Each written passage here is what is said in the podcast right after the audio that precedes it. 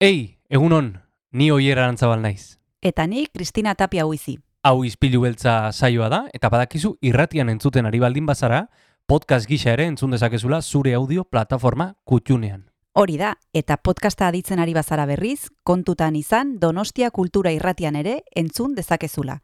FM eundazazpi puntu lau frekuentzian. Sare sozialetan ere topatuko gaituzu noski, izpilu beltza bilatuta, Instagram, Facebook eta Twitterren. Besterik gabe, guazen gaurko saioarekin. Az gaitezen,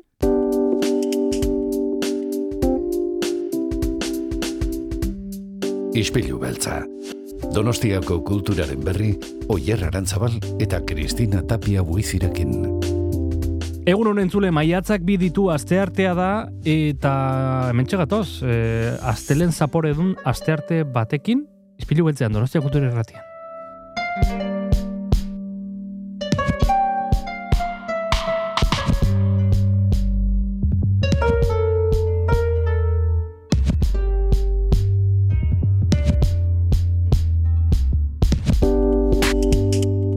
Kafeak bero-bero mai gainean eta saio eder bat aurretik. Zaio oso ederra aurretik badekizue asteartetan kresala zinekuleko lagunak etortzen zaizkigula eskamak kentzen e, atalean eta gaur e, itzeingo digute film e, polit baten inguruan jarraian izango da. Eta gainera izango dugu gurekin e, piano jole bat Noelia Rodiles izena du berak Victoria Eugenia Antzokian kontzertua eskeniko du e, justu izango da bihar zazpiterdietan eta Schubert zikloaren baitan badekizue e, autore hau ezagutzeko parada izaten ari garela eta kasu hontan Noelia Rodilesen bidez gehiago ezagutuko dugu Schubert. Musika klasikoa beraz gaurko saioan, zinema interesgarriak, kresalakoek beti ala egiten dutelako, troba zinemetan, izaten dira emanaldiak gogoratu, eta musika interesgarria baita, mm, Asier Rastiren partetik. Bai, beti ekartzen dizkigu gauza oso politak eta bere baimenarekin goazen gaurko ispilu beltzarekin. Bera da iztoa gurinean.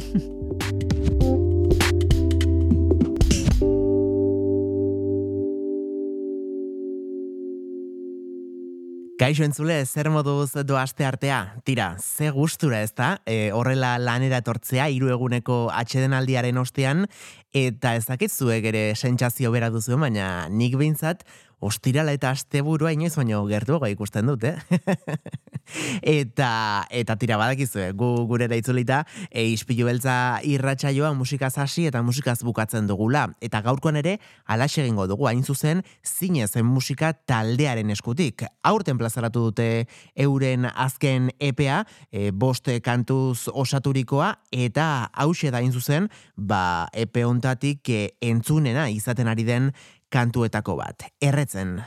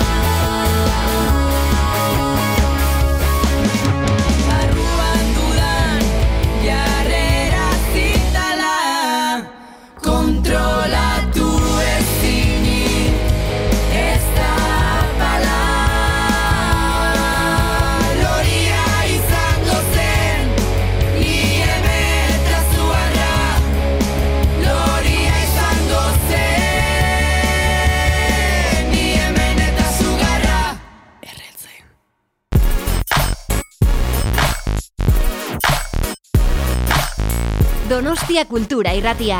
Iriko eta Aldirietako kulturaren leioa.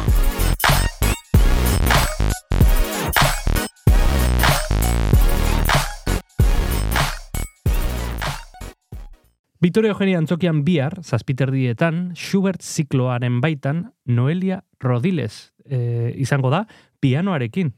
Bai, badekizue Donostia musikak eta Donostia kulturak eh, ziklo hau antolatu dutela, Schubert zikloa, eta beraiei esker ezagutzen ari gara autoreai, autore hau, hainbat e, e, ikuspuntutik ari gara gerturatzen, Mhm. eta gaurkoan piano jole baten ikuspuntutik gertuko gerturatuko gara Schubertengana, Noelia Rodiles jarraian entzungo dugu. Jarraian izpilu beltzean.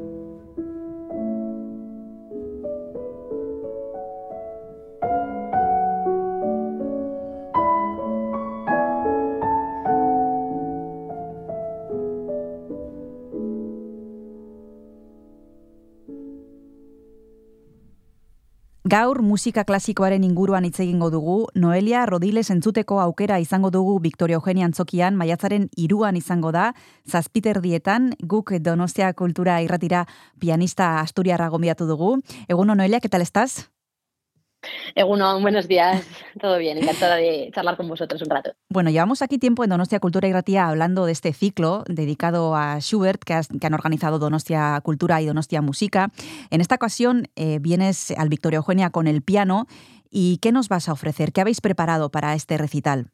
Pues bueno, el, el recital ese está dentro del marco de, del ciclo Schubert, eh, que bueno, que repasa un poco como las principales eh, obras para, para, piano bueno, y para música de cámara de, uh -huh. de este gran compositor vienés. Uh -huh. Y en el caso de mi concierto, eh, estará formado por los momentos musicales, eh, que son una, una, colección de seis piezas breves, eh, deliciosas, como cada una con un carácter muy específico, con melodías bellísimas, algunas inspiradas en los Ländar, en las danzas austriacas. Uh -huh bueno, realmente unas, unas, piezas muy, muy bonitas. Y luego la, la, joya de la corona un poco de Schubert, que es la, su última sonata para piano, la sonata en si bemol mayor eh, de 960, que es, eh, bueno, yo creo que para los amantes de, de, Schubert y de la música en general es realmente eh, una obra monumental, una obra maravillosa y monumental en todos los aspectos un poco, ¿no? Porque es no solo de duración, es una obra muy larga, es, es una de sus obras más, más grandes, pero también un poco por, por concepto de obra, por, por filosofía de, de, la obra, ¿no? Es como, es casi una, un recorrido vital un poco. Mm.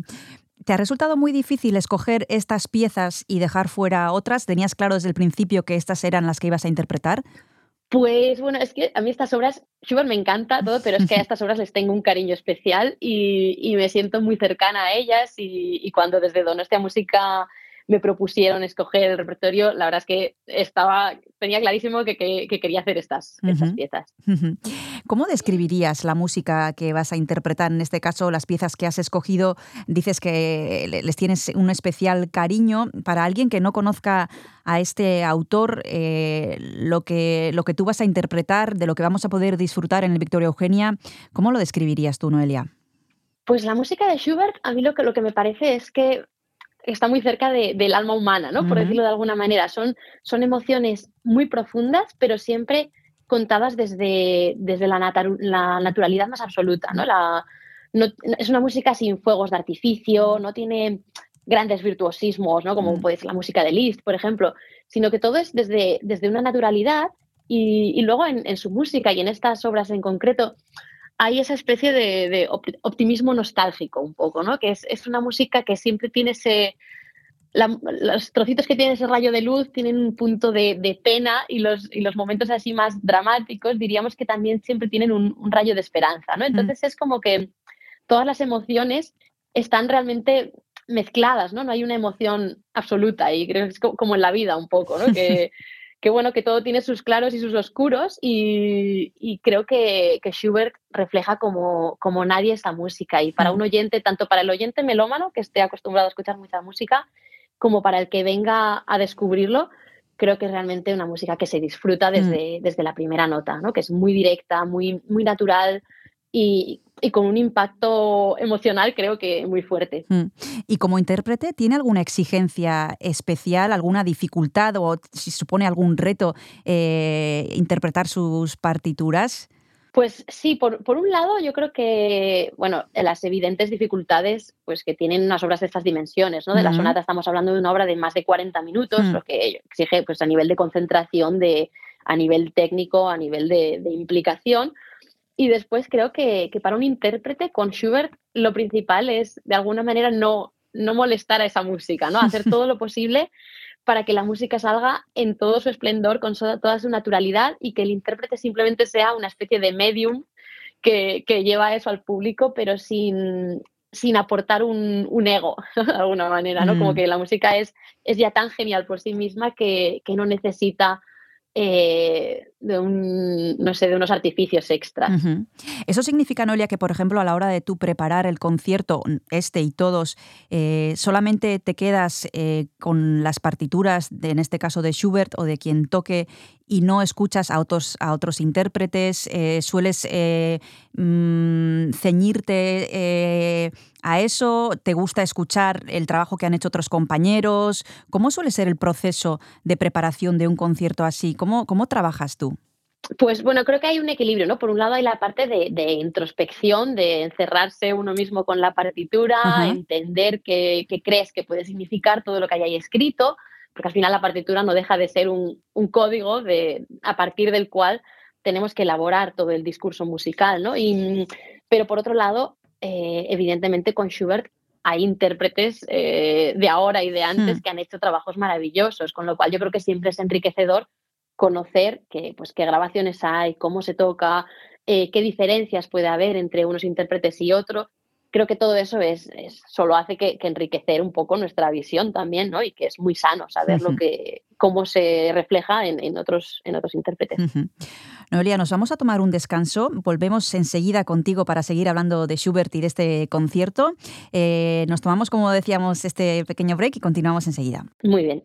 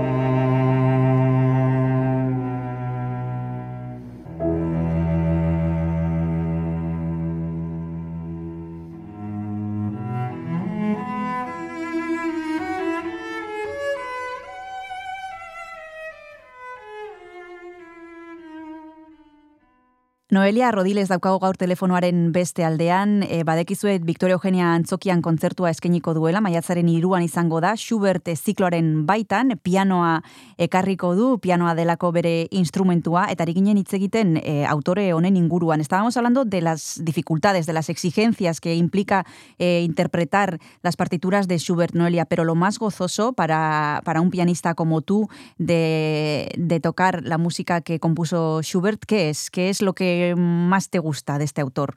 Pues un, un poco lo que comentábamos antes de, de, esta naturalidad, ¿no? Lo que me gusta es intentar entrar dentro de esta música uh -huh. y, y, que luego eh, que la música traspase todo lo que tiene que traspasar también emocionalmente, ¿no? Uh -huh. Es una música que, como decía, me resulta muy cercana, por uh -huh. tanto, eh, bueno, siento que, que estoy en, dentro de ese viaje, ¿no? Con la sonata en si bemol, que es una obra tan grande, tan larga, pues un poco se entra en, en, una especie de trance, ¿no? Evidentemente con toda la concentración y con todo, pero, pero al final es, es como ese viaje, ¿no? En cuatro movimientos que, que, cambian completamente de carácter, un segundo movimiento que es, que es una búsqueda tan introspectivo. Mm.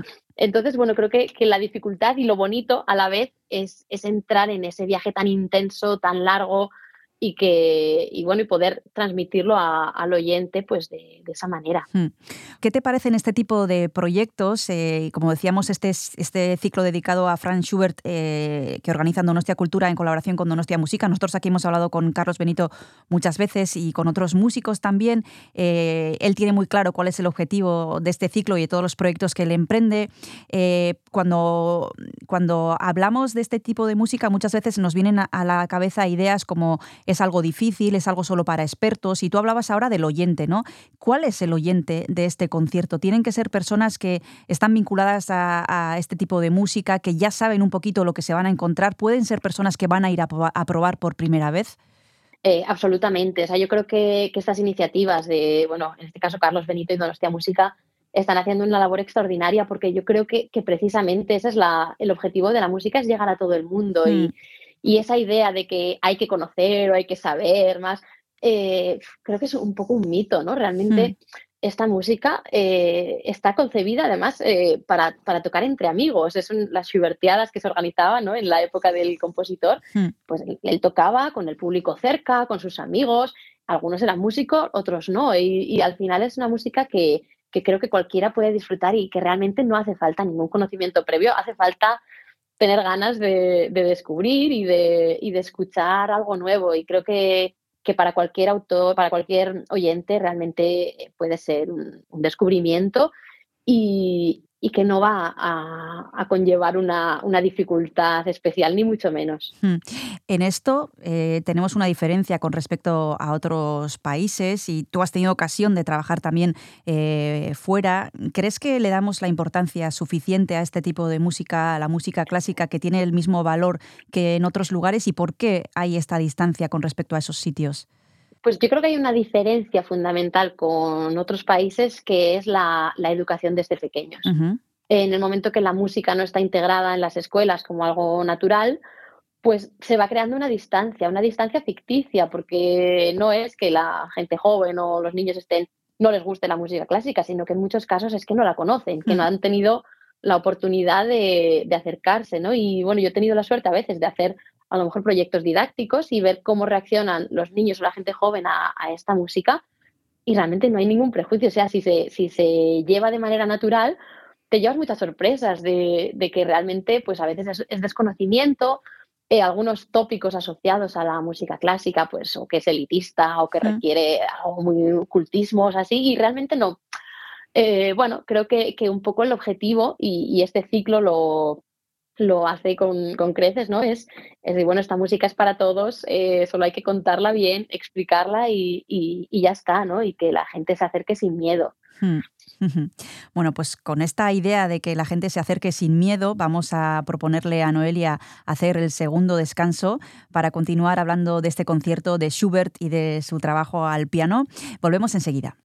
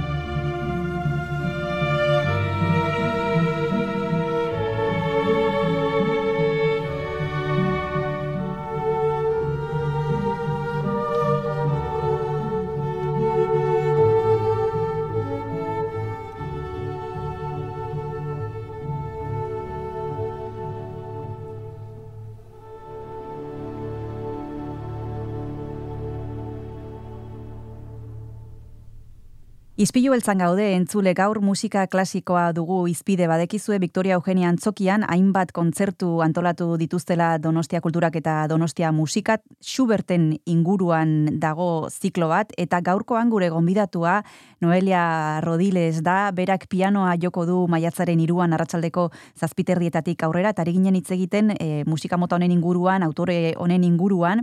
E, ez da miedo que decíamos que muchas veces tenemos a acercarnos a, la música clásica, en tu opinión, parte de, bueno, de esa ausencia que hay ya en, los colegios y que los niños muchas veces, y los mayores también, desconocemos, ¿no? Y entonces, como no conocemos, muchas veces tenemos miedo a lo desconocido. Eh, tú, en cambio, eh, Noelia, eh, te has dedicado y te dedicas al piano. ¿Cuál, cuál fue el, primer contacto que tuviste tú con este instrumento? Yo no sé si en tu casa había un ambiente de música, si fue algo fortuito, si desde pequeña sabías que te ibas a dedicar a esto. ¿Cómo ha sido tu camino? Pues bueno, en mi familia no, no hay músicos, no hay una tradición musical, no hay nada. Pero sí que mis padres, bueno, tienen y tenían el interés cuando éramos pequeñas, mi hermana y yo, de que tuviéramos pues una formación completa y variada. Entonces, bueno, ellos apuntaron a mi hermana mayor al conservatorio, entre otras muchas actividades, ¿no? Entre pintura, hmm. deportes, idiomas, demás. Y bueno, ya empezó a tocar el piano, entonces pues yo tenía el piano en casa, pues yo jugaba más que nada con el hmm. piano, lo tenía un poco integrado en mi espacio de juegos. Y después, pues yo también quise empezar con el piano, pero bueno, como, como digo, como era de una familia que no eran músicos ni nada, pues al principio no empiezas con una idea clara de que te quieres dedicar a ello, ni mucho menos, ¿no? Mm. Entonces, pero sí que fue muy natural el proceso, tuve la suerte de, tener muy buenos maestros desde pequeña y que fue como atrapando y que para mí era eh, un poco la, la manera de comunicarme de forma natural, ¿no? Casi me era más fácil expresarme con música que con palabras, pero mm. fue de una manera muy, muy fácil y, y, eso, muy natural, ¿no? Que no, bueno, no había ni una idea preconcebida antes ni, ni nada, ¿no? Era simplemente pues que me gustaba mucho, me gustaba mucho estudiar, me lo pasaba muy bien, eh, me encantaba la música y bueno, poco a poco fue siendo ese mi camino. Hmm. Y cuando uno dice que se quiere dedicar a esto de forma profesional en casa, eh, pues supongo que es habitual que los padres apunten a los niños al conservatorio, entre otras cosas, como decías tú, pero luego cuando el niño dice o la niña dice, bueno, yo quiero ser pianista, no sé si hay algunas casas en las que supongo que eh, le dirán, bueno, mejor que seas abogado o médico, y hay otras en las que eso se entiende y se encaja mejor. No sé cómo fue eh, en tu caso, eh, porque en las artes, pues como profesión, no sé si están, bueno, valoradas o tenemos la imagen de que son más inseguras, bueno, muchísimas cosas, ¿no? Entonces no sé cómo, cómo fue en la tuya. Pues fue una mezcla de las dos cosas. Mm. Yo creo que, que, lo que decíamos antes es que es el miedo a lo desconocido. Mm. Entonces que de repente venga tu hija y te dice que quiere ser pianista, eso que es, ¿no? De, mm. Pues vas a poder vivir de ello, las, las, dudas que tienen todos los padres, que son legítimas, yo creo, cuando hay un desconocimiento. Y, y, bueno, siempre pues la, la idea es que se hace una carrera más segura, entre comillas, ¿no? Pero ¿qué es la seguridad? Al final yo creo que ellos lo que fueron viendo es que, que también lo que, lo que uno hace realmente bien es aquello que le apasiona. Y, y, creo que eso es muy importante tenerlo en cuenta. Y al final, eh, bueno, la seguridad o no también depende un poco de, de cómo haces ese trabajo y, y que, bueno, que ellos fueron poco a poco viendo que, que ese era mi camino, que, eso era lo que me encantaba y, pues lo apoyaron, eh, desde que lo vieron claro, lo apoyaron al 100%. En este camino, Noelia, ¿qué ha sido lo que más te ha costado? La, dificultad mm, más grande a la que te has tenido que, enfrentar. Pues no sé, es un cúmulo de cosas. Yo creo que es una carrera que hay que tener muy claro que es una carrera de fondo, no es una carrera de, de éxitos mm. directos ni de todo cosas buenas, eh, sino que es una carrera que requiere muchísimo trabajo, mucha disciplina y, tener paciencia. Yo creo que lo importante es ir haciendo un trabajo sólido, un trabajo honesto, no querer eh, pues eso, el éxito inmediato, sino, sino pensar en, qué puedes hacer para hacer las cosas bien, para trabajar con, con rigor Mm. y, confiar en que, en que eso, eh, bueno, si es un trabajo bien hecho, pues en algún momento eh, tiene sus frutos. Mm. Entonces creo que, que, para los, incluso también para los estudiantes que, que, están ahora dedicándose a la música, pues bueno, tener en cuenta que, que hay que, que hay que trabajar, que hay que trabajar siempre, que incluso cuando hay algo bueno no quiere decir que el camino ya esté hecho, sino que es parte de, de ese proceso y mentalizarse de ese trabajo. Lo que pasa es que a, mí me gusta mucho, bueno, estudiar, trabajar y ver qué cosas se pueden mejorar, eh, qué aspectos eh, todavía pueden estar mejor. Entonces, creo que es bonito ese proceso, ¿no? Y que cuando uno lo asume como parte de un aprendizaje continuo, casi vital, pues creo que si se integra en, en tu vida es, es muy bonito. Mira, hace poco me estoy acordando de una entrevista que hicimos a Marco Mezquida, que también eh, toca Mm. el piano, y él nos decía que a veces cuando era más chaval le costaba estudiar porque veía a todos sus amigos en la plaza jugando al fútbol o están a- andando en bici, ¿no? Sí. Pero que sabía que en el fondo eso también era lo que le gustaba y que ahora pues, eh, pues agradece haber estudiado y, y haber podido dedicarse a una profesión que le llena y, y- y le encanta, ¿no? Pero que había momentos que decía, bueno, pues yo también querría estar en la plaza, pero bueno, sin embargo, Claro. eh, preguntándole por algo que has citado tú, ahora a los jóvenes, ¿no? Decías eh, que sepan que este es un camino eh, de largo recorrido, ¿no? De fondo. Y, y le preguntaba a él también, y te quiero preguntar a ti también, Noelia, por si tenéis la sensación de que vosotros sois referentes, sois referentes como otros han sido para vosotros, y, y mostrar que se puede dedicar uno a la música, que se puede dedicar uno en este, en este caso al piano. Marco me decía que le hacía mucha ilusión que se le acercaran chavales después de un concierto, igual que él se acercaba a otros pianistas cuando Mm. era más pequeño, ¿no? A ti también te pasa, te pasa eso, que eh, pues bueno, eres de alguna manera modelo también. Claro, yo creo que, que también nosotros ahora tenemos un poco el, el deber de hacer lo que, lo que veíamos hacer a la gente que, que admirábamos. ¿no? De ver que, cómo trabajaba. Entonces, cuando te viene, pues sí, gente que está estudiando ahora, te, te preguntan, te manifiestan sus dudas Hmm. tan legítimas, ¿no? Cuando Hmm. escoges este camino. Y, y creo que, claro que sí, que nuestro trabajo es un poco compartir todo eso y, y ser el, el referente y, y bueno, intentar entre, entre todos, cada uno a su edad y en su momento, pues compartir esas dudas e intentar ayudar todo lo que podamos a, la, a las generaciones de músicos que están saliendo ahora. ¿Cómo les ves a estas generaciones? Pues yo creo que, que hay gente muy buena. Creo que, bueno, que hay mucho talento. Creo que la educación en España, la educación musical, ha mejorado muchísimo, sin duda, en los últimos años. Y eso se refleja en, en que hay mucha gente muy bien preparada. Eh, creo que hay el otro problema que el que hablábamos antes de la inmediatez, ¿no? Mm. que, que un poco nuestra sociedad de hoy en día, cada vez más, creo que nosotros ya lo vivíamos, pero creo que ahora está mucho más acentuado, eh, parece que todo tiene que ser inmediato, ¿no? Todos los logros son, incluso el uso de, de las redes, Mm. de internet, Mm. o sea, parece que, que nada lleva esfuerzo y que no, no se puede tardar en conseguirlo. Y creo que en eso es muy importante que, bueno, pues que la gente que está estudiando se mentalice de que, de que no todo es inmediato, que a pesar de que la sociedad nos lleva en una dirección, la música es como un trabajo un poco anacrónico y un poco artesano al Mm. sentido al- más, ¿no? más antiguo de la palabra, ¿no? de estar muchas horas en un instrumento, trabajando poco a poco, que el resultado se ve dentro de, de más tiempo Mm. aún. Y, y creo que es algo que, que, bueno, que hay que inculcar un poco en, en la gente que ahora está estudiando. A ti tu carrera profesional te va a llevar, entre otros sitios, eh, este año a Donostia, te va a traer aquí al Teatro Victoria Eugenia. ¿Qué más cosas tienes para este 2023, Noelia? Pues bueno, poco después del concierto en, en Donostia estoy en el Festival de Música de Lugo, después eh, estoy en un festival al sur de Francia, eh, también con esta sonata de, de Schubert, más Mm. música de Ligeti. Después en, en verano volveré a estar en, en Donostia, que me encanta para la quincena de Donostiarra. Y, y bueno, y en verano ya también hago una grabación de, para piano y orquesta, un nuevo disco con la Orquesta Oviedo Filarmonía y el maestro Lucas Macías. Y bueno, distintos proyectos que, que estoy ahí encerrada trabajando. Bueno, pues vamos a despedir a los oyentes recomendándoles este concierto que tendrá lugar, como hemos dicho, el próximo 3 de mayo a las 7 y media en el Teatro Victoria Eugenia. Noelia Rodiles interpretando al piano a Schubert. También vendrá en verano más adelante para la quincena musical. Apuntamos las dos citas. Y muchísimas gracias, Noelia, por haberte acercado a Donostia Cultura y Ratía. Un abrazo muy grande y hasta la próxima. Muchas gracias a vosotros, es un placer.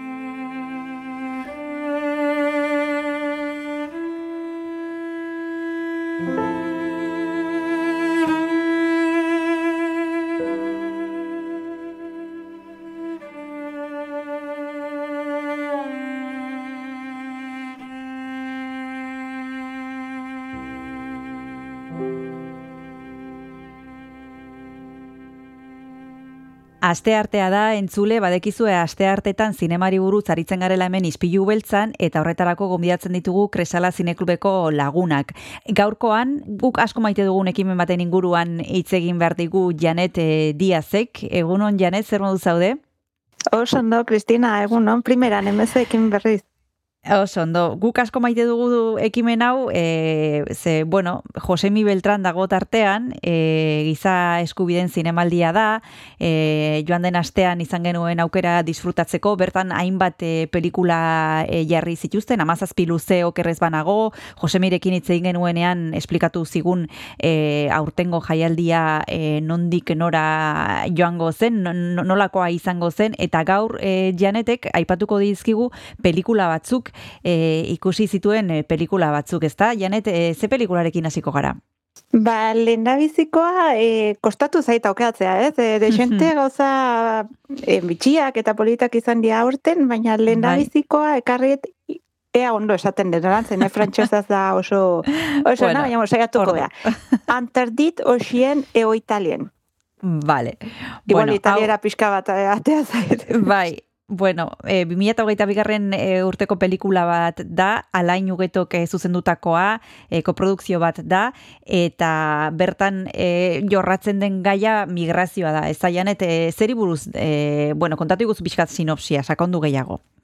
Bai, e, migrazioaren inguruan e, i, bueno, kontatzen digu, historioa da nola ba, bere zuzendaria alain nugetok ba, atzera begira egiten du, bere familiaren mm historioan e, murgiltzen da, eta bereziki ba, bere e, uste dela birraitona, ero e, Luigi Ugeto deitzen dena, eta nola ba, italiatik e, atera izan, eta frantziara jontzan, lan bila, eta bueno, familia bintzat e, ateratzeko moru baten bila, ezta? Eta bueno, oso polita ze gaina e, este motion animazioekin egiten du bai. zuzendariak, batzutan ikusten dugu zuzendarian eskua hor sartzen pertsonaiekin hmm. erlazionatzen, e, oso bitxia da, eta niri asko gustatu zitzen, gainera komedia puntuak ditu, e, mm hainbestetan alako zinemalitan ba, dramak eta gota bai. serioagoak ikuste ditugu eta bintzat bai. honek eh, alako komedia puntuak zituen eta benetan oso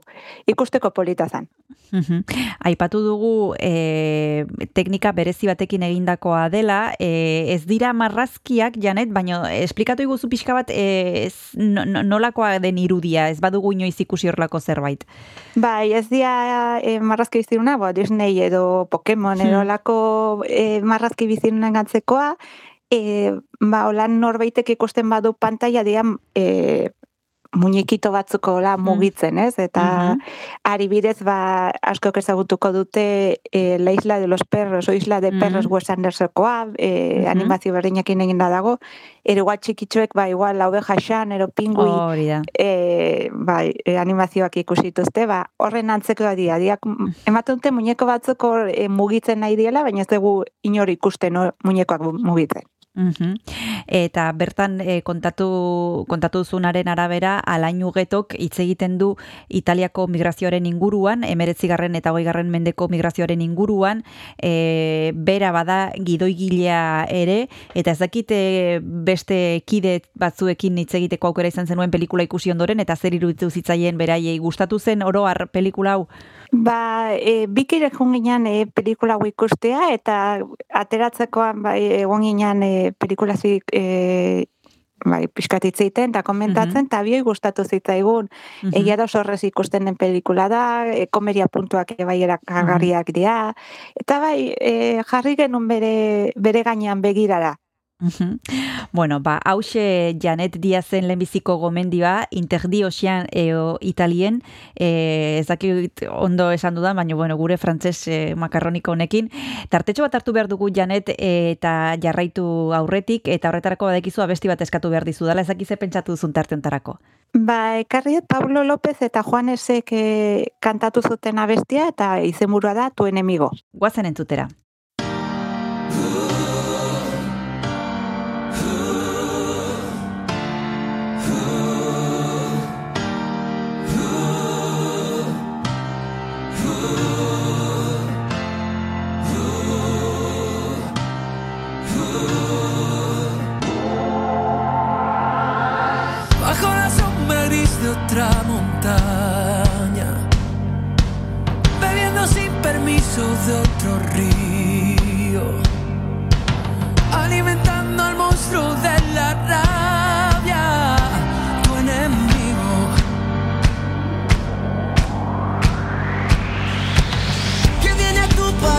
Profanar, que pisa la ciudad sin tu permiso, que sacará tus cosas de la calle, tu enemigo.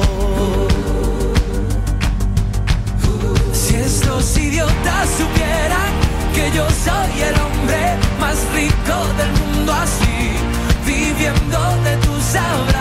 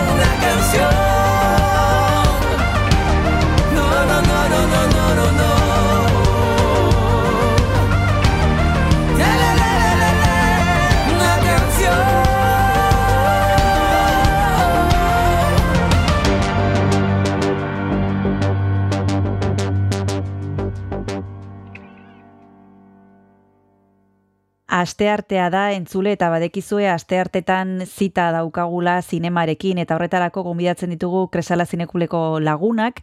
Gaurkoan telefonoaren beste aldean Janet Diaz daukagu eta aritzaigu hitz egiten giza eskubideen zinemaldiaren inguruan. Izan genuen hasi aurretik hemen Josemi Beltran, e, ekitaldi honen e, zuzendaria eta oraintxe bertan e, Janetek aipatu digu e, jaialdian ikusi duen pelikula pelikula bat, Interti Ocean eo Italien eta beste bat e, ere, bueno, besteak beste bat, besteak beste ikusteko aukera izan duzu Estibaliz Urresolaren e, azken e, azken eta lehenbiziko luzea 20.000 especies de abejas. Zer iruditu zaizu, Janet? Ba, niri asko gustatu zera. Egia esan da. E, Estibalizen lana ezagutzen nun, e, zin, e, bueno, kresa lana e, ba, bere laburrak ipiniritugu, enela gutxi gainea kuerda zeuki genuen saio batean, eta niri asko gustatu zitzairan, gaia oso ondo landuta dago, protagonista ume txikia Sofia, e, baina bizena ez daite burua etortzen. Otero. E, Otero, e, kristo lan egiten duz, ez da, erresa e, mutil baten barnean sartzea, baina mutila neska sentitzen dena, da pixka lio, ez? Bera neskara, mutila, baina benetan bikain egiten du netzako eta beste aktoreak ebai oso ondo dabre, eta aipatzeko hau hain saletan dago, eta Bai. jendea animatzen jotea ze merezi du ikustea. Bai, e, bertan estibaliz e, urresolak kontatzen du aur baten e, historia eta bere familiarekin daukan harramana, harremana, identitatea e, jorratzen da eta esan bezala apirilaren hogeitatetik aurrera, giza eskubideen zinemaldian e, egun horretan ere ikusteko aukera izan genuen, hortik aurrera ja e, areto komertzialetan ikusteko aukera daukagu. Aipatu duzu Sofia Oteroren lana, izan ere Berlinen, e, aktore honenaren saria jaso zuen eta nik ezakite neska honek izango duen ibilbide luzea zeiruretzen zaizu janet Ba, hola jarraitzen badu nik uste baiet. Zer da, esan dako, ez da, errazalako pertsonei baten e, barruan sartzea, gaina e, ez dakizen bat urte izango ditu Sofiak, baina ez da oso haundia zakit ez da gaz, oso gaztea, ez da kamabi ero amairu urte txikiagoa da, mm. eta esan dagoa egiten un papera kristona da. Eta mm baita esatea, ba, e, beste aktoreak bai zariak e, jaso dituztela ezin emaldi desberdinetan, bai Patrizia, bai e, aktoreak multzo bezala, osea, que hori eta gaina, e, ba, estibalizatzean eukita, ba, ikusteko ikusteko aproposa. Bai, azpimarratu behar dugu, bai aktoreek, ez zuk aipatutako Patricia López Arnaize, Kanega Barain, e, Itziar Lazkano daude taldean, besteak beste Marcelo Rubio, eta aktorek e, jaso dituztela aipamenak, baita pelikula bera ere, Malagan e, saritua izen, izan zen, eta ezakit gero publikoarentzat e, bueno, publiko publikoko pelikula bat den hau. E, e, aurrekoan Josemik esaten zigunik espero dut 5 lobitos bezala izatea eta funtzionatzea hau eta e, bueno, pixkanaka pixkanaka ea jende askok ikusten duen. Ezakite ze iritzi daukazun e, publiko orokorraren da pelikula hau janet? Ba, enietzako bai, e, estibalizek e, netzako sondo landu dut gaia ez du oso e, ez da oso dramatikoa, ez? Batzutan gai olako gai e, erorrealitateak ba oso dramatikoak, ez gogorrak dira, baina e, estibalizek ematen dion begirara netzako nik uste denok ikusi bergen degun begirara eta nik uste oso ba, moru erresian jarraitzen dezu pelikula, e, segituan konektatzen dezu protagonistakin, amakine bai, eta ba, ba, bueno, anega barainen pertsonaian ebai, izeba, izeba hori mendian bizirena erlekin, mm. Eta nik uste bai, denek ikusi halko duten pelikorela. Bai, ez, aipatu behar dugu, pelikulan protagonista e, aurra dela, Sofia Otero gorpuzen duen e, e, neska, baina gero badaude beste historio batzuk hor alboetan bai familian dituzten erlazioak, aitaren figura ere hor badauka bere garrantzia, e, herria eta hiriaren arteko talka hori ere agertzen da, bueno, e, sinesmenak ere bakoitzarenak e, nolakoak diren, bueno, hainbat gai jorratzen ditu Estibaliz Urresolak pelikula hontan ere. Bai, hori da, azkenean, eta gaina ikusten duguna da familia baten egunerukotasuna, ez? Eta e, horretan ba, murgitzen zea bai aitaren e, ba, bueno, e, bizitasunak, ero ezakiz nola esan espoiler egin gabe, baina e, eta gero ba, beraien artean e, bai, ez, ikustezu ama eta monaren artean hor ze talkadakate bion artean, ero zer lasio polita duten anaien eta aizpen artean nola hartzen duten e, Sofiaren pertsonaia, ero esan dakoa ez, herriak e, eaz esaten duen, ez, amonak ez dakite, netzako iritsi zitzen hori, ez, amonak beti da, aberkeri da, no? Mejor lo... Bai. Baina bai, gai da isenteritu hor e, komentatzeko, eta nik uste esan dakoa, estigalizeke oso ondo landulu da, duela, eta ez dula dramoi bat egin, baizik eta oparitxo goxoki poli bat egin dula. bueno, ba, gomendatzen dugu, enorbaiteko oraindik ez badu ikusi, e, zine komertzialetan, e, zineareto komertzialetan ikusteko aukera daukazue, 20.000 espezies de abejas, e, dudarik gabe 2008 irugarren urteontako pelikulateko bat izango da, esti urresolak zuzendutakoa. Bigarren tartetxo hartu behar dugu, Janet, eta bigarren abesti bat eskatu behar dizut. Ze pentsatu duzu? Ba, oain, e, aitan abeslaria ekarriet, eta uh abestia da ni una mas. Guazen entzutera.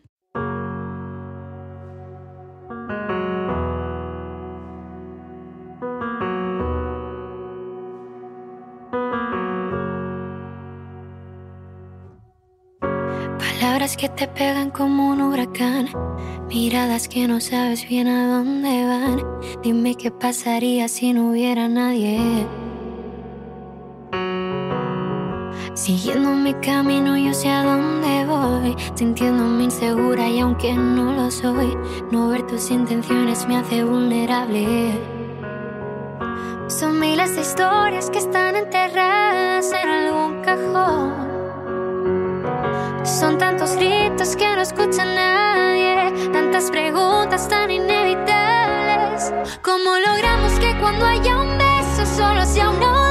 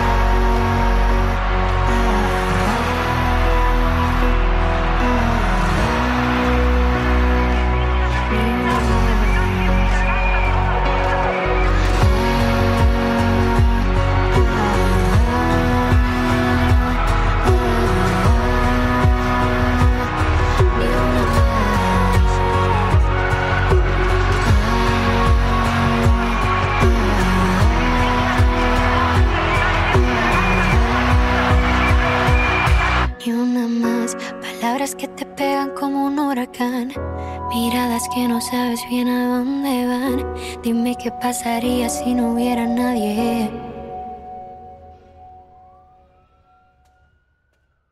Janet Diaz daukagu telefonoaren beste aldean, badekizue aste hartetan zinemari buruz aritzen garela Kresala Zineklubeko lagunekin, eta gaurkoan bukatu berri den e, giza eskubideen e, zinemaldiari buruz, e, jaialdiari buruz hitz egiten ari gara Janetekin. Pare bat pelikula gomendatu dizkigu, oraintxe bertan aipatu dugu esti urresolaren 20.000 espezies de abejas, eta beste zerbait ikusteko aukera izan duzu, esan dugu amazazpi luze e, izan ditugula egunotan, eta bueno, beste hainbat gauza erakusketa, bueno, zertan ibilitzara joan den astean, Janet? Ba, saiatu naiz denera iristen, ez naiz, ez naiz iritsi, zen beste gauza zegoen, ez naizela iritsi. Baina, bueno, ikusi et, e, hori bili naiz tetuan ikusten, karpeta Mhm. ordinak handeri iriartek e, zuzen nutakoa bai e, oso ondo dago, ba, kide batzuk bai gomendatu diate e, No Bears, Jafar Mhm. Panaginen pelikula, Orduan, ba, bai, deixente ikusiet eta deixente gatu zaizkit hor pendiente ikusteko, Mm. ze esan dakoa denbora ez, ez detuki, baina, bueno, deixente ikusi ditut, eta, eta, bueno, ni eta nerekinen artean, ba, nik uste e, zinemaldi osoa ikusi degula. Mhm. Aipatu duzu tetuan, e, Janet, e, iratze fresnedaren azken lana, e, zer kontatu dezakezu e, proiektuaren inguruan? Ba, nik uste proiektua berezia dela, e, Mhm. egia esan da iratxeren e, lanak lehen euki ditugu kresalan, egoin dela urte batzuk e, saio berezi bat egin zantabakaleran, bere aurreko proiektuakin, eta nik uste e, saletan e, ipintzen badutela, nik gomendatzen dut e, jendeak e, urbitzea, eta eta bintzat ikustea beste begirara hori ematen dion begirarak iratxek. Bueno, bidaia bat egiten du, bidai pertsonal bat egiten du iratxe fresneak e, lan hontan, e, eta bueno, estan agertzen dira, ba, e, Madril, e, Danubio inguruak, hainbat kokapen e, ditu pelikula honek, e, eta bueno, ea da aukera daukagun ere beste leku batzuetan ikusteko. E, Janet, diez, beste zerbait, e, azpimarratzeko moduan, e, giza eskubideen e, jaialdian ikusi ezuna, Ba, nik uste joiek diela, hola, hola burura etortzen zaizkiran Mhm. e, filmak e, aipaigarri seguruna, ba, hor, bidean baten bat utziretela, ze esan dako amazazpi proiektukin, ba, zaila da denak e, gogoratzea eta denak ikustea, baina, bueno, en, Bintzate, 20.000 abejas eta maipatu ditugunak e, jendeak e, ba, oportunitatea baldin badu ikusteko, ordoan ere gomendioa. Bueno, errepasatu behar ditugu Janeti Azek ekarri dituen izenburuak e, elenbiziko alain ugetoren integri oceane oitalien, e, migrazioari buruzko pelikula, e, bigarrena esti urresolaren 20.000 espezies de abejas, eta bueno, eta tetuan ere, bueno, iratxe fresnadarena e, azpimarratuko dugu, haber daukagun aukera beste nonbait ikusteko, seguru baietz, eta hiru gomendio hauekin utzi egingo zaitugu Janet, eta urrengoaren zain e, aber noiz den, e, zuri edo zure lankide bat itukatuko zaio gurekin adorren astean hitz egitea. Eskerrik asko beste behin hurbiltzagatik ispilu beltzara, eta urrengor arte. Zue, beti plazerrara. Agur. Agur. A long, long time ago, I can still remember how that music used to make me smile. And I knew if I had my chance that I could make those people dance and maybe they'd be happy for a while. But February made me shiver with every paper I deliver. Bad news on the doorstep. I couldn't take one more step. I can't remember if I cried when I read about his widowed bride. But something touched me deep inside the day the music died. So bye bye, Miss American Pie. Drove my Chevy to the levee, but the levee was dry. And them good old boys were drinking whiskey and rye, singing, This'll be the day that I die. This'll be the day that I die. Did you write the book of love?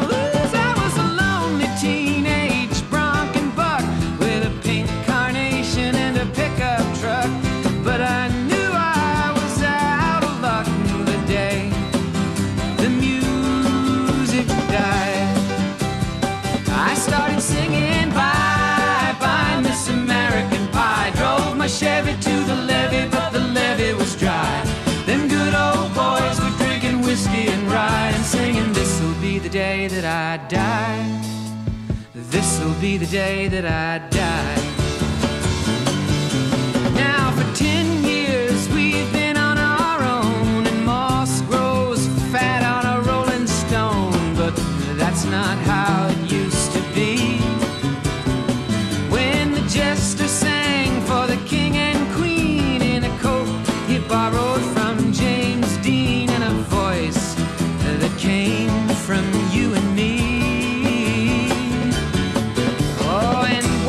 King was looking down, the jester stole his thorny crown.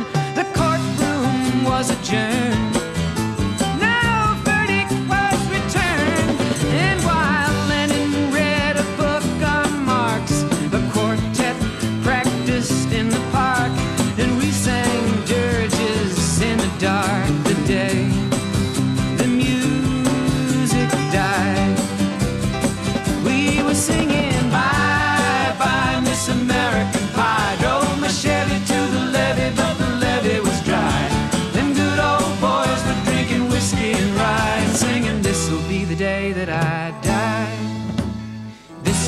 Day that I die.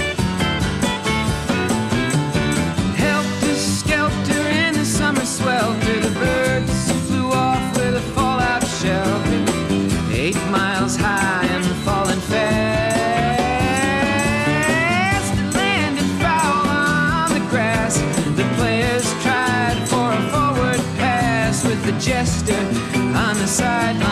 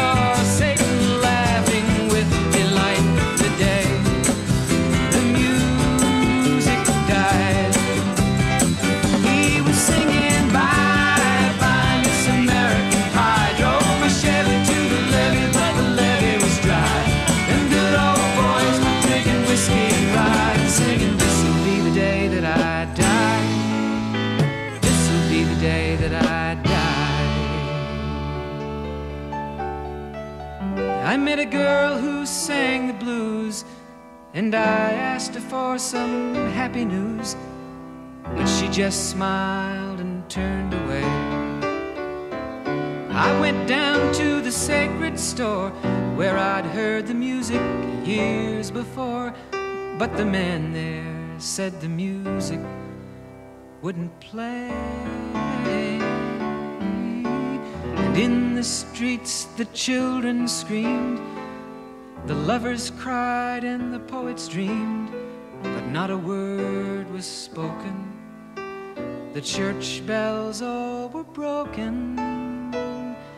And the three men I admire most the Father, Son, and the Holy Ghost they caught the last train for the coast the day the music died. And they were singing, Bye,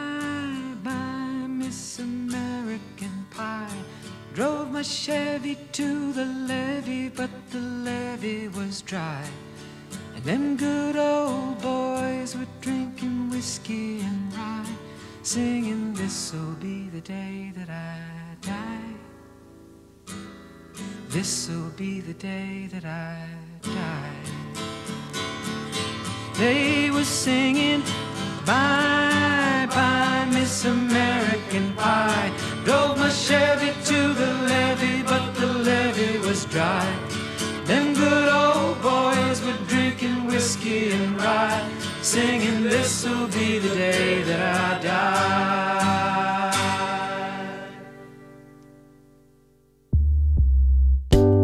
Gogoratu izpilu beltza entzuten ari zalera Donostia Kultura Irratian, baina nahieran ere topatu dezakezula podcast gisa gure saioa. Edozein audio plataformatan arpidetu eta Kristina Tapia Uizi eta biok asko eskertuko dizugu. Orain jarrai dezala saioak.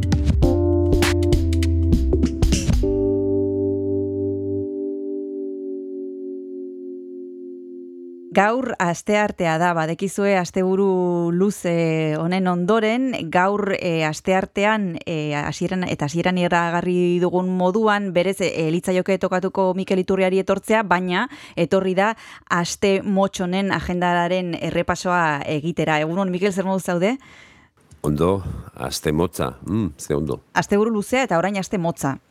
Vale, Beraz, pues eh, nik uste dut, perfecto. perfecto, ez? Eh, bueno, egin dugu, eh, orain nahi, egin, egin nahi duten saiakera hori lau eguneko astea edo. Baina, bueno, Oso ondo. Ikusiko dugu. eh, agendan ere gauza gehiago, gauza gutxiago, nola, nola dago? Eh, bueno, badaude, badaude gauzak. Badaude gauzak. eh, bai, bai, badago... Bueno, pasiko gara orduan. Kontuan, kontuan izanik poltsiko antzerki hasiko dela aste honetan, gauza mordoa, ba, antzerkiarekin hasiko Hori da, guazen antzerkia repasatzera. Bueno, ba, maiatzaren lauan, abiatuko da poltsiko antzerki jaialdiaren hogeita magigarren edizioa. Mhm. El maiatzaren lautiko hogeita batera izango da, eta izango da ostegunetik e, igandera, lau hiru asteburu, e, okerrezpanago, hori da, hiru asteburu. E, bueno, aurten Euskarazko poltsiko antzerki sorkuntzaren e, irabazleak ere hartuko du parte, poltsiko antzerki sorkuntza da Donostia Kulturak Euskara Zerbitzuarekin eta Euskal Herriko antzerki zale elkarterekin ba, duela ja urte batzuk, amairugarren deialdia dau martxan jarri, e, abiatutako lehiaketa bat, Euskarazko ba, olako sorkuntza txikiak edo bultzatzeko, eta aurtengo irabazlea izan da nomofobikak eh, taldea, eta Kris eta Kras ilea paindegia, antzezana izan da irabazlea, eta horrekin e, ikusiko ditugu e, zean, e, jaialdian. Gero oso ezaguna den, batez ere Donostiako antiga, antiguan oso ezaguna da, txiki, Jon Martinez txiki, Mm. baino ez bakarrik hemen, uste dut Euskal Herrian ere badela ezaguna, ja, Bai. hainbat e, komiko gisa, hainbat tokitan ibili delako, ea oso antzerki, antzerki zale sutsua da gaina, e, finalista izan da, eta beak bere obra da Euskaldunen jatorria, historia eta irria. Eta gero, ba, bueno, ba, tartean teatroa ere ongo da, ez dok ero, desentxufatua eh, antzezanarekin, Lo mejor de Jon Zabal, eh, Pepin Tre etorriko da Madrildik, Diego Peñak 21 ekarriko du, eh, magia ere egongo da, Ameli Lamagarekin, eta gero ere aipatzekoa da, azken ostiralean, konben gardeneko kriptan egongo dala jaialdi bat, eh, demode kuartek, eh, kuartetek epa, eh, ba, bueno, humore, jende guztiarentzako humore, ba, publiko guztiarentzako humore ikuskizun musikal bat eta gero ere bai drag show bat egongo da, Albina Stardust eta Divina Komediarekin. Mm, Osagai nagusia badakizue, antzerkia, Bai. umorea, magia, mentalismoa, bakarrizketak, musika ere bai, eta bueno, ba, informazio guztia donostiakultura.eus egunean duzue, eta, bueno, ba, e, lankidek ere atera dute kom, e, kulturetxeen, kulturekintzak atera du e, zera bat, e, paperezko programa txiki bat, eta hor dago orduak, eta eta tokiak, eta bar, eta barra. Oso ondo. Estrenaldi bat daukagu, ostegunean. Bai. e, ostegunetik igandera, bakarrizketa bat, Vitoria Eugenian, egunero zazpiterdietan, igandean izan ezik, zazpietan, agizue Goyo Jimenez, e, ja, Bai. teatrontan askotan egon da, Bai. e, konfusio, ia, ia. bai, bai, bai, gutxi iaz, iaz, iaz egon zan, trilogia batekin egon zan uztailean, I Want to Live in America, bat bita hiru, hiruak e, e, taulartu zituen e, uztaileko lehenengo, aste, e, lehenengo astean, okerezpanago, eta orain Misery Class edo izenekoa e, da estrenaldi absolutoa, erabateko dute, eta bueno, ba, bauka hemen Donostian bere publikoa, eta bueno, ba, ba, ba, bueno, ba, polita e, Donostian estrenatzea. Ederki. Bestalde, ba, Euskarazko konpainia bat, hemen, konpainia amater, ez dakit konpainia den, baina, bueno, amaterra e, barrexerkak e, egian e, ostiralean eta larun batean, bagoiaz izeneko e, ikuskizuna ekarriko du, ikuskizun berria da, bos Bai. Zate ja lanean, e, eta hori ospatzeko, ba, bakizue betikoak, bakarrizketak, esketxak, antzerki piezak, eta, bueno, ba, mm, jende gaztea da, eta, bueno, ba, aukera polita ikusteko. Bai, Ja. ez baduzu ikusi, gomendatzen dizuete, ba, e, gauza politak egiten dituzte, ba, reserkako kideak egon ziren hemen e, gurekin e, duela hilabete batzuk, eta oso gauza politak egiten dituzte. Eta honekin igual, e, antzerkiaren atala e, bukatuko dugu, eta orain joango gara e, kontzertuak errepasatzera. Mikel, musikaren atalean ze kontzertua aipatuko dituzu? Ba, joango gea maiatzaren iruan, osea, bihar, Bai. piano kontzertua daukagu, Franz Schubert zikloaren baitan Mhm. Victoria Eugenia Zokian, pianista Noelia Rodiles da, Bai? ba, hemen e, gurean e, nazioartean ere hainbat tokitan ibilitako pianista da. Mhm. Eta beste kontzertu bat ere Mikel aipatuko dugu, ezta? Ba, bai, ba, dekluba zirkuitean, larun batean, intxaurrondon daukagu e, kartel bikoitza, Korizonas taldea eta Los Ah. Premodernos. Ba, Korizonas bok, e, boskote bat da, indie rock e, parametroetan mugitzen dena, orain hirugarren diskoa da Korizonas 3, e, talde bat 2000 marrean sorrutakoak, Los Coronas eta Arizona Baby talen arteko e, emaitza bada. Mm, Gero 2008an aldaketak egon zian taldean, e, single berri bat kaleratu zuten, on, horren ondoren, Nubes Negras, e, e, Korizonas iru honen e, diskoaren aurrerapena izan zana, eta aurten ba, beste di single bat atera dute, El Diablo dijo sí. E, aipatu dugu ere Los Premodernos egongo dala, hau da laukote bat, e, Donostiako musika gela, Donostia kulturak eh, kudeatzen dituen entzegu areto horietan, bai egian, bai mm, intxaurrondon, ba hor e, ibilitako o, eta dabilen talde bat, Xabier Álvarez, Carlos Baroja, Ekain Michelena eta Eugenio Rubio, Eugenio Rubio ez ezagutzen dugula, ba, e, inkluso egondolako hemen, Bai. musika buruz izketan, Bai. Eta bueno, ba, rock and rolla dute amets eta hori erabiltzen dute e, bizitzari buruz duten ba, ikuspegia ba, transmititzeko edo. Ederki. Eta igual kanta bat jarriko dugu. Bai. Eh, Zer nahi Korizonas, Korizonasen azken diskotik nubes negras aipatutako Ederki. kantua. Bagoazen entzutera.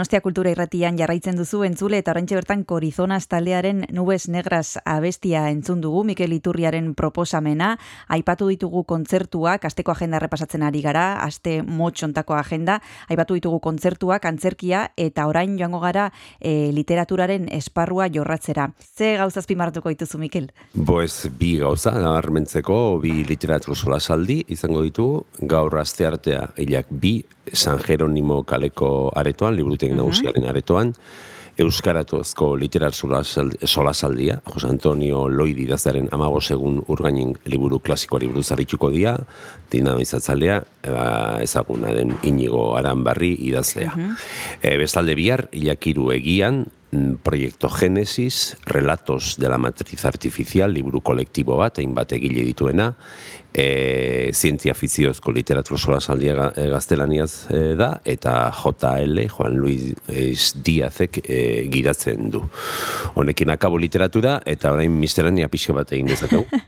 Gustatu zaigu hitza, eh? Bai, guazen e, miscelane hontan e, sartzera, eta igual altzako naturaldia e, aipatuko dugu, liburu aurkezpen bat, hitzaldiak, e, ze gauza gomendatuko dituzu. Bai, ba gaur eh, abiatuko da altzako naturaldia, Tomasenen, eh, ez da den erakusketa batekin, altza eta natura, amargarren urte urrena, ba, hainbat jardura entolatu dira hilabetean zehar eh, ingurumena, paisaia, geologia, botanika, fauna eta eh, hainbat ibilaldi egongo da, e, Kristina Enea Fundazioa, Altzako Historia Mintegia eta Donostia Kulturak e, ba, Casares e, Tomasene kulturetxearen bidez montatu du, e, hainbat ekitaldi daude eta informazioa donostiakultura.eusen dago, e, ba, ez ditut aipatuko orain, datozen egunetan, maiatzaren amaikatik aurrera izango da lehenengo ekitaldia, eta ba, datuzen asteetan edo joango gea, igual gehiago zehazten. Gero, gaur intxaurrondo kulturetxean bosterdietan daukagu gurasoentzako zea bat, trebatze mm, ikastaro bat, ikastaro bat ez orkatu, itzaldi bat, treba gurasoak Gipuzkoako foru aldundeko gazteria zuzendaritzarekin mm, daukan eh, programa bat da, gurasoak hezkuntza gaitasunetan trebatzeko asmoa da, ba, bueno, aurren eta neraben bizitza edo eh, hezkuntza edo hobetzeko. Bai. Eh, Raquel Gamitok emango du hitzaldi bat, gaztelaniaz izango da, internet, bideojokuak, sareak, ba, hor dauden gatazka, konurak e, eta abar.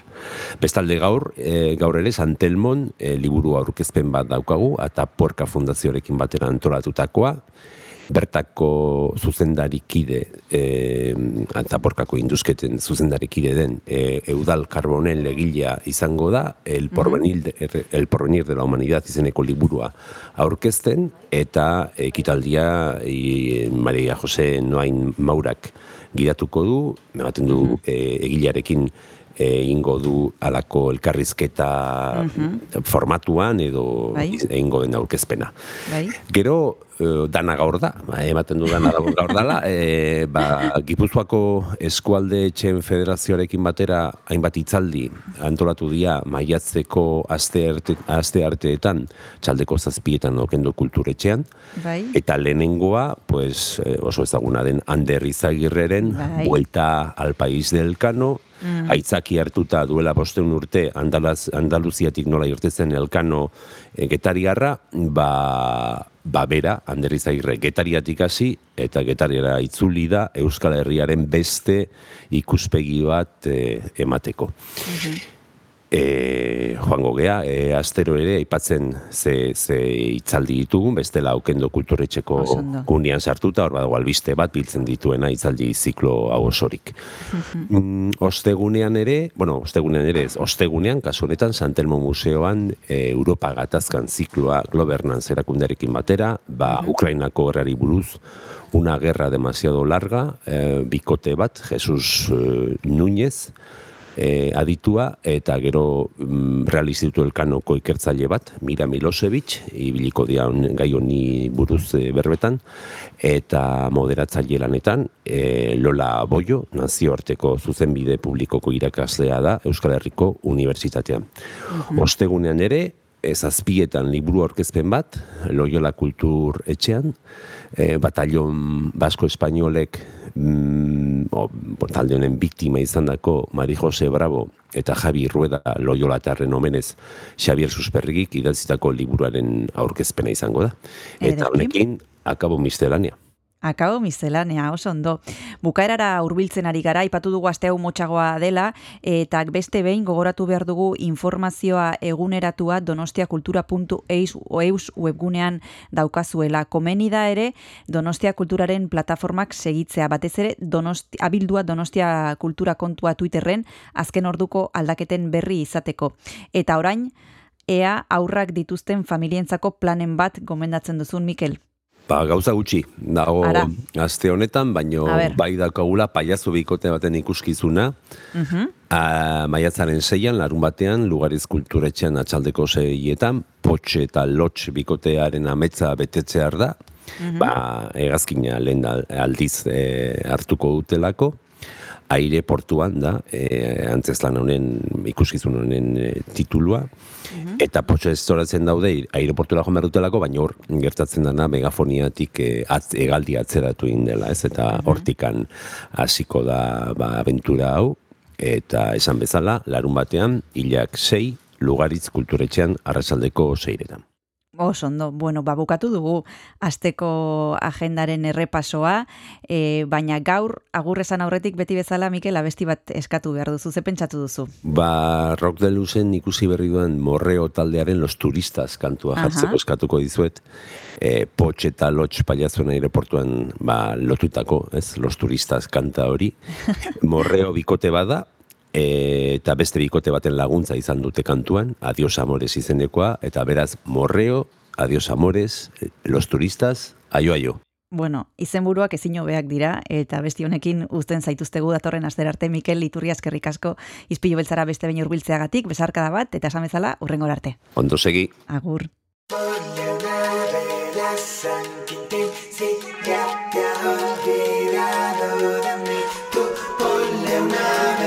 Vela a San Quintín,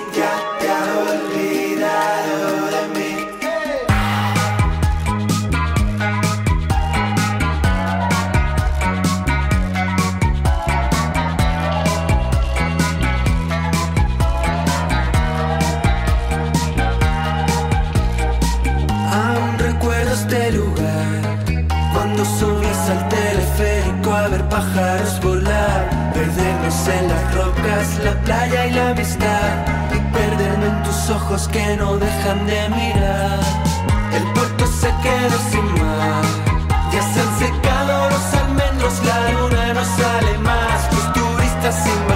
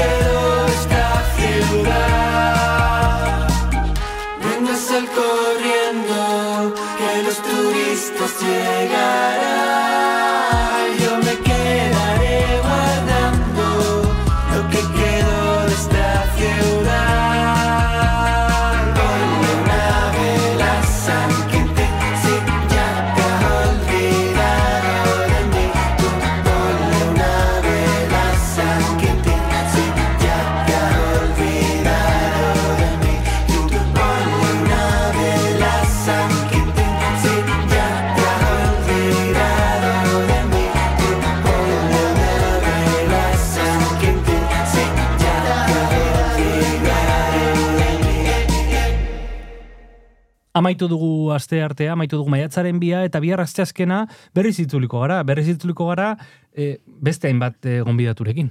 Bai, bihar gauza oso bitxi bat ekarri behar dugu izpilu beltzara oier, eneko kalbo gonbidatu dugu, Mhm. badekizue bera Kristina Eneako erakusketa proiektu teknikaria dela, eta ekainaren amaiker arte, ellas ilustran botanika, botanika emakume ilustratzaileak izena duen erakusketa ikusteko aukera dugu e, Kristina Enean, Eta oso gauza bitxiak kontatuko digu eneko kalbok, nola emakumeek eh, hasi ziren, eh, nola emakumeak hasi ziren ilustratzen eh, landareak, arbolak, eta Mhm. bihurtu ziren ba, kontsulta liburuak, eta bueno, gauza oso interesgarriak, eh, bihar esan bezala eneko kalbo.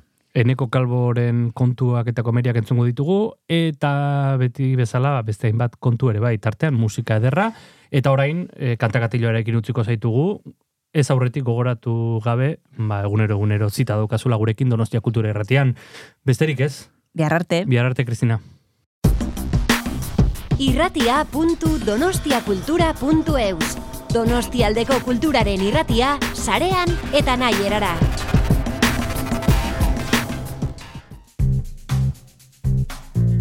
Kanta katilua. Kaixo entzule, ongi etorri kantakatilua talera, badakizu, eh? kantakatilua ispilu beltzako tarte musikala dela, eta musikari ematen dizkiegula datozen minutuetan protagonismoa, eta gaurkoan lemoara egingo dugu salto, bizkaira hain zuzen, bertakoak direlako, Bagunai Santos, Inigo Santos eta Gontzal Ozes, larregi taldea osatzen duten irukotea. E, 2008 garen urtean e, sortu zen taldea eta 2010 garen urtean e, plazaratu zuten euren lehenengo maketa larregi taldearen izen berbera zuena. Ondoren 2000 eta garen urtean e, bidea dugu elmuga ere e, albuma plazaratu zuten eta baita pantomima izena zuen e, bueno, ba, albuma 2000 eta ama bostean. Guk gaur entzungo duguna loreak desertuan izena duen EPA da 2000 eta emezortzi garen urtean autoeko iztutako bilduma bat eta tira, gehiago barik eh, guazen eh, talde lemoatarraren diska paregabe gozatzera eta bueltan entzongo gara elkar.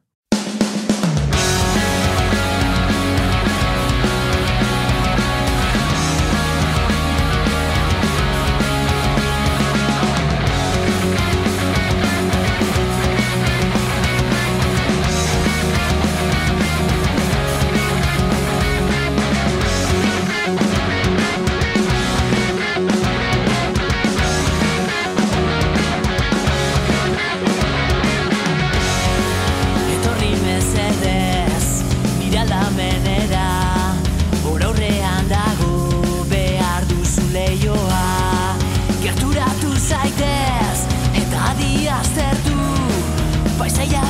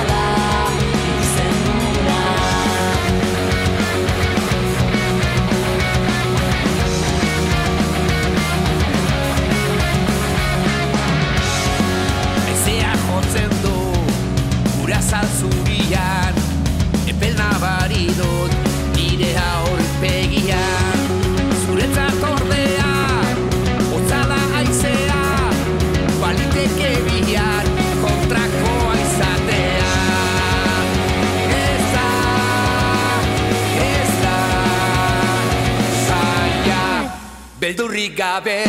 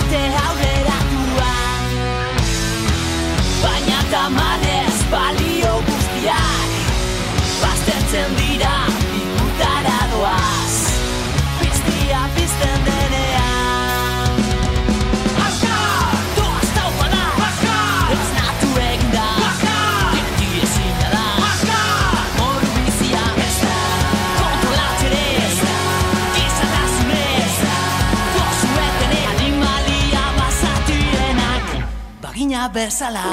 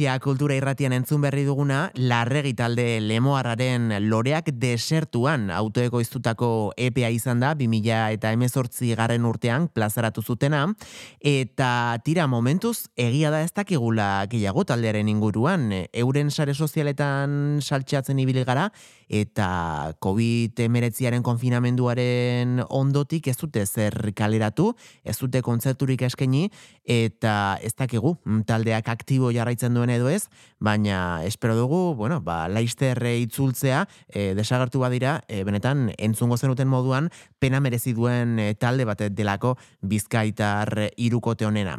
Eta tira, gure aldetik besterik ez, agortu zaizkigu gaurko genituen minutu guztiak, eta lasai, eh? bihar aste azkena da, eta goizeko zortziretan hementxe izango gaituzue, Donostia Kultura Irratian, eunda zazpi puntu lau frekuentzian FM-an, eta bestela badakizue irratia.donostiakultura.eu satarian edo zuen podcast plataforma kutxunenean ere aurkituko gaituzue ispilu beltza idatzita bueno, ba, bilatzaian, errex errex. Eta, eta besterik ez, e, bi harrentzungo gara elkar hortaz, zuek nahi baduzuen oski. Ordura arte badakizue, txintxoak izan, agor. Hemen errevelazio bat bezala Espazioa eta denbora argiago ikusten dira. Sentitzen ditut ernesten somaditzak ez zelatan arren batzeko za Hemen ibilitako bidea zeharkatutako uneak argiago ikusten dira.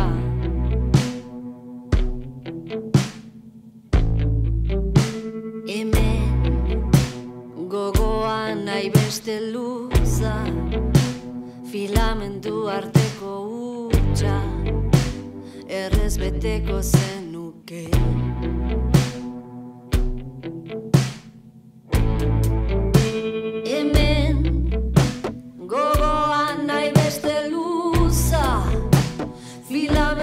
arteko utxa errez beteko zenuke.